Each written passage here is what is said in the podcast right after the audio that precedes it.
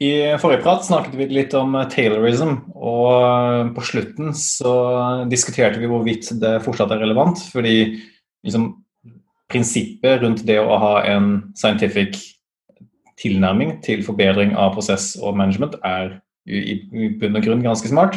Og det har jo skapt japansk produksjonsteknikk, bl.a. i tillegg til amerikansk produksjonsteknikk, som kanskje er det vi prøver å distansere oss vekk fra. Uh, men samtidig sier dere også at jeg hater på, på liksom NHH. Så jeg bare lurer på, liksom, er det fortsatt relevant å snakke om taylorism, eller bør vi liksom legge det bak oss og snakke om noe nytt?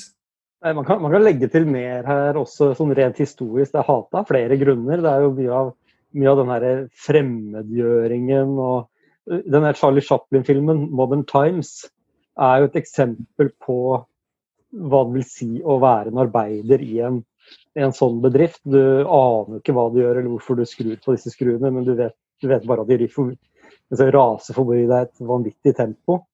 Eh, jeg vil tippe veldig mye av liksom antimodernitetsbevegelsene som har kommet i, i, i Vesten siste århundre skyldes en slags motvilje mot må kalle det kynismen da, i, i, i, taylorismen. Men det jeg tror er vrient nå, det er at veldig mye Altså den tanken, da, konseptet om at ledelsen skal være de som tenker. Og de som kan ting, mens eh, de som jobber og er hands on, i stor grad skal være de som utfører. Eh, der tror jeg det er en kanskje noen rester da, av taylorisme som jeg, som jeg, fortsatt mener er litt sånn eh, problematiske. Ja, jeg må, jeg må fortsette der, vi slapp i forrige episode. fordi Jeg mener at det er en stor forskjell da, på å kjenne eh, prosessen på et overordnet nivå kontra å, å, skulle utføre oppgavene eller vite eller kunne alt som skal til for å utføre oppgavene i en prosess. Det tenker jeg er to forskjellige ting. Og eh, eh, For å ta et eksempel da fra, fra samtiden. Eh, så er det jo sånn at hvis, eh, Når vi ofte prøver å, å fremme et mer sånn eh, lean startup-tankesett på at OK, her må vi eh, tåle litt risiko, vi må skape, teste, lære fort. og ikke liksom jobbe fossefall og, og ha planlagt alt i forkant. Så det, da snakker vi om to ulike prosesser. Altså, to ulike måter å jobbe på. Eh, og i, i, etter min opplevelse da, så er det helt vitalt at ledelsen, eller dem som sitter i en styringsgruppe, eller hva det måtte være, er kjent med eh, hva den prosessen innebærer, helt overordna, for at de skal liksom eh, stole på at det her er riktig måte å gjøre ting på, at det skaper verdi. Eh, men det betyr ikke at de trenger å være de som sitter ned og gjør alle vurderingene underveis. De må jo stole på dem som faktisk skal utføre oppgaven. Men, men jeg tror det har verdi at de faktisk kjenner litt til hvilken prosess man jobber etter. Eh, akkurat det er et veldig veldig bra eksempel. Eh, for det er, er der jeg ofte har gnisset. Eh, det er jo det er en prosess som ikke helt vet om er nødvendig at ledelsen forstår helt. Og som det også er vanskelig for dem å, å skjønne. fordi Lean startup-tankegangen er også en vitenskapelig metode. Det er jo vitenskapelig metode i høy hastighet. Så egentlig så uh, De som på en måte kan den best i utgangspunktet, har jo gjerne en eller annen tilnærmet vitenskapelig utdannelse i utgangspunktet. Og det, Min erfaring er ofte så står det i stor konflikt med ta, si, en salgsdirektør eller noe annet, da, som har en av merkene til utdannelse, hvor du først må lære vedkommende naturvitenskapelig metode eh, for å få lov til å jobbe så fort og smidig og raskt som det går an å gjøre. Eh, og det er en lang vei å gå framfor å bare få gjort det. da. Så her er jeg egentlig litt ja, men Hvordan får du aksept for å få lov til å jobbe på den måten? da? Altså, eh, jeg vet at Mutt er en sånn forkjemper for autonome team, og, og det at teamet skal få lov å jobbe litt uforstyrra. Eh, og hvis du skal unngå akkurat det, da, å få liksom, at noen prøver å kontrollere eh, alt du gjør, så må de jo liksom kjenne litt til overordna hva er prosessen her, og hvorfor yes. er den viktig? Og, og, det er poenget mitt, at hvorfor skal de vite det? Uh, jeg, har, jeg, har prøvd mange ganger. Jeg har prøvd uh, både å prøve å forklare, og så ha en buy-in. uh, sånn at de forstår det, det, er, det tar et år.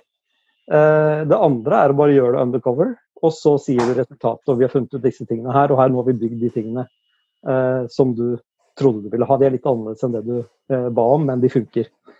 Så, og der er, der, der er det du, du, bekrefter egentlig det jeg sier, da. Fordi pga. terrorismen så vil de skjønne prosessen. De vil blande seg inn i hvordan man gjør det. Eh, men de har ikke nødvendigvis utdannelsen til å forstå den. Men eh, Er det nødvendigvis sånn at de vil blande seg inn, eller må de bare liksom forstå nok til at de tenker at ja, det hørtes jo fornuftig ut? Eh, ideelt sett så bør du jo være med på den, men jeg, jeg syns det ofte er veldig, veldig vanskelig. Det er en vanskelig ting å sette seg inn i. Det er vanskelig nok å forstå altså Det er vanskelig å forstå hypotetisk deduktiv metode.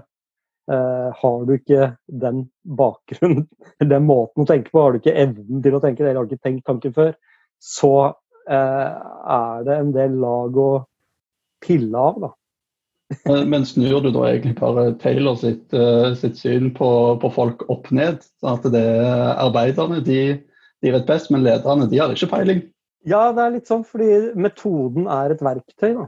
Eh, som sier spaden. Det er forskjellige spader til forskjellige prosesser. Eh, men, men, i, i, eh, i uh, Tallinn Startup, da, eh, veldig mye av metodikken der er verktøyet til eh, om det er eh, forretningsdesigneren, eller om det er, eller om det er designeren, eller om det er utvikleren. De kan hypotesetesting, de kan prøve, lære, feile fort, lære osv. Uh, mens en leder som er vant til å lage en lang plan, uh, veie for og mot, masse utredninger, og så banke gjennom et eller annet ting, og så følge opp et, en, en uh, milepælsplan, har jo ikke den samme bakgrunnen til å forstå dette. Dette minner meg om et eksperiment jeg leste om uh, for lenge siden, om MIT, som forsker på motivasjonsteori og uh, betaling, eksterne faktorer, hvordan det påvirker motivasjon. Og eh, jeg tror dette var ganske lenge siden, når det var før behaviorism og alt det der. Hvor man tenkte at desto mer du betalte en arbeider, desto mer effektiv er arbeideren. Og så gjorde de da dette forsøket med i tror jeg, noen sånn lavinntektsland hvor de da kunne liksom betale dem for ting. Det de fant, var jo selvfølgelig det som vi kjenner i dag, er at desto mer du betaler en arbeider, desto mer effektiv er de ikke. I noen kontekster. I kontekster som krevde tung Eh, analytisk tenking, så ble, ble, folk mindre produktive desto mer de betalte de. Det var en sånn cirka sweet spot hvor det ble betalt inn nok til at de ikke trengte å tenke på pengene. Eh, men i andre kontekster hvor de gjorde fysisk arbeid som ikke krevde så mye analytisk tenking, så ble de mer produktive desto mer de betalte de selvfølgelig til et visst punkt. da. Uh, så bare lurer på er, Med tanke på hvor Taylorism kommer fra, fra en stålfabrikk i gamle dager hvor folk spade, uh, skuffa ting her og der, så høres det ikke så veldig analytisk ut. Det høres mer ut som fysisk arbeid. Og det kan godt hende liksom, at den tankegangen om at du har den andre som eh, Eller på en måte det menneskesynet funker, på en måte, hvis man skal applisere MIT sin tanke. Mens veldig lite av dagens jobb er egentlig sånn. Ja, det er vel ikke så, så langt unna å tenke bestillerorganisasjon der du leverer en ferdig spekk til en IT-utviklingsenhet eh, og ber dem om å lage det. Altså Jeg vet ikke helt. Nei, men, men det, det, det, blir egentlig litt annen greie, tror jeg. Um, det, det, er litt mer oppsett totalt i bedriften, mer enn liksom rene uh, grunnprinsippene. Nå er jeg kanskje litt uh, akademisk uh, i tanken på det. Men, men, jeg tror nok det ligger mer i eh, i liksom forskjellen på å drive stålproduksjon eh, og det å drive eh, produkt- og tjenesteutvikling. Eh, og at derfor tror jeg ikke terrorisme er helt død. Eh, fordi det anvendes bare i en litt annen kontekst. eksempelvis eksempelvis dette med å hele tida prøve å måle og finne ut den optimale måten å gjøre ting på, forbedre det til det. Det er jo det en i stor grad gjør bare på kunnskapsintensive næringer med å ha eh, refleksjon, eh, hele tida ha evaluering av hverandre. Eh, hvor bra gjør vi det? Uh, og sånt. Det er jo for å finne den optimale måten å gjøre det på. Forbedre prosessen uh, osv. Men ligger det en forskjell her da i om hvem det er som gjør den evalueringa? Eh, hvis jeg forstår det riktig, så, så jo, ligger det jo i taylorisme at det er ledelsen som hele tida evaluerer prosessen og evaluerer hvor bra du gjør oppgaven og ikke. Nei, det, det, det har nok blitt litt uh, feilkommunisert. For det, det, det, er ledelsen som har ansvar for det. Men de hadde jo en egen type stilling for nettopp å drive måling. Uh, uh, som jeg ikke husker hva heter, men det, var, det, det er en del sånn, gamle bilder av dette. og De gikk rundt i sånne svære hvite labfrakker og med stoppeklokker osv. Og, og, og med mye kamera når, når kamerateknologien kom. Uh, så det var egne folk som hadde ansvar for, for måling. Jeg lurer på eh, Jeg har sett uh, mange av disse gamle tegningene.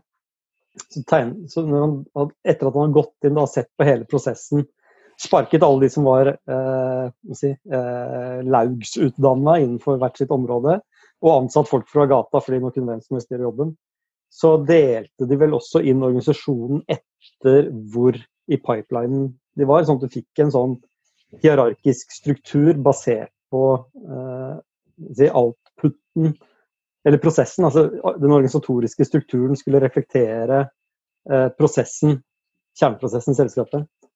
Eh, så det er også en sånn side ved det, dette med å dele inn avdelinger med noen som har ansvar for deler av helheten, eh, istedenfor å se på eh, si, eh, hvor man sitter med hvert sitt lille område. Da. Og, og, og brikkene i puslespillet settes sammen da bare gjennom eh, øverste, øverste, ledelse. Ja, jeg tror det er der du kommer inn på kanskje kjernen av det som har eh, endra seg veldig. Eh, både menneskesynet vårt med at eh, folk i utgangspunktet ønsker å bidra og blir ikke bare motivert av penger. Eh, så at den har endra seg fra å ha en veldig seksjon, eh, seksjonerte team, der alle bare gjør én type oppgave, Eh, til å ha tverrfaglige team eh, og denne autonomiteten. Eh, selv om du ennå har en definert planleggingsfase som er atskilt fra utførelse, og du har klare prosesser, så er det eh, teamet som selv jobber med det på en helt annen måte. Du har ledelsen med i teamet. Eh, og, og, en tar selv og definerer oppgavene i forkant og evaluerer etterpå, og, og sånn driver prosessen sjøl enn at du bare blir fortalt hva du skal gjøre. Og Der er det jo et, kanskje det største skillet eh, fra terrorisme og til, til dagens utviklingsteam. Så er det noe måtte, vi kan ta med oss Hvis vi skal oppsummere dette, da, er det noe fra Taylorism vi kan ta med oss videre, og er det noe vi bør legge bak oss? Jeg får vel være enig med Arne her, at det her henger sammen med måling og, og den her innstillingen og, og, viljen til å forbedre prosesser og forbedre output. Da. Og det, det, er jo egentlig det vi også driver med til daglig. Eh, så ja. det man kanskje eh, kan legge fra seg litt, eh, som de fleste vel har forhåpentligvis lagt fra seg, det er jo akkurat det her menneskesynet som, som vi har snakket litt om også. At vi ser jo nå at man, man, jobber mer autonomt, man, man, har mer tillit til dem som utfører oppgavene, som er fagpersoner. At ledelsen ikke i like stor grad skal detaljstyre. Da. Det er vel det vi i hvert fall prøver å bevege oss bort ifra. Mm. Så bra.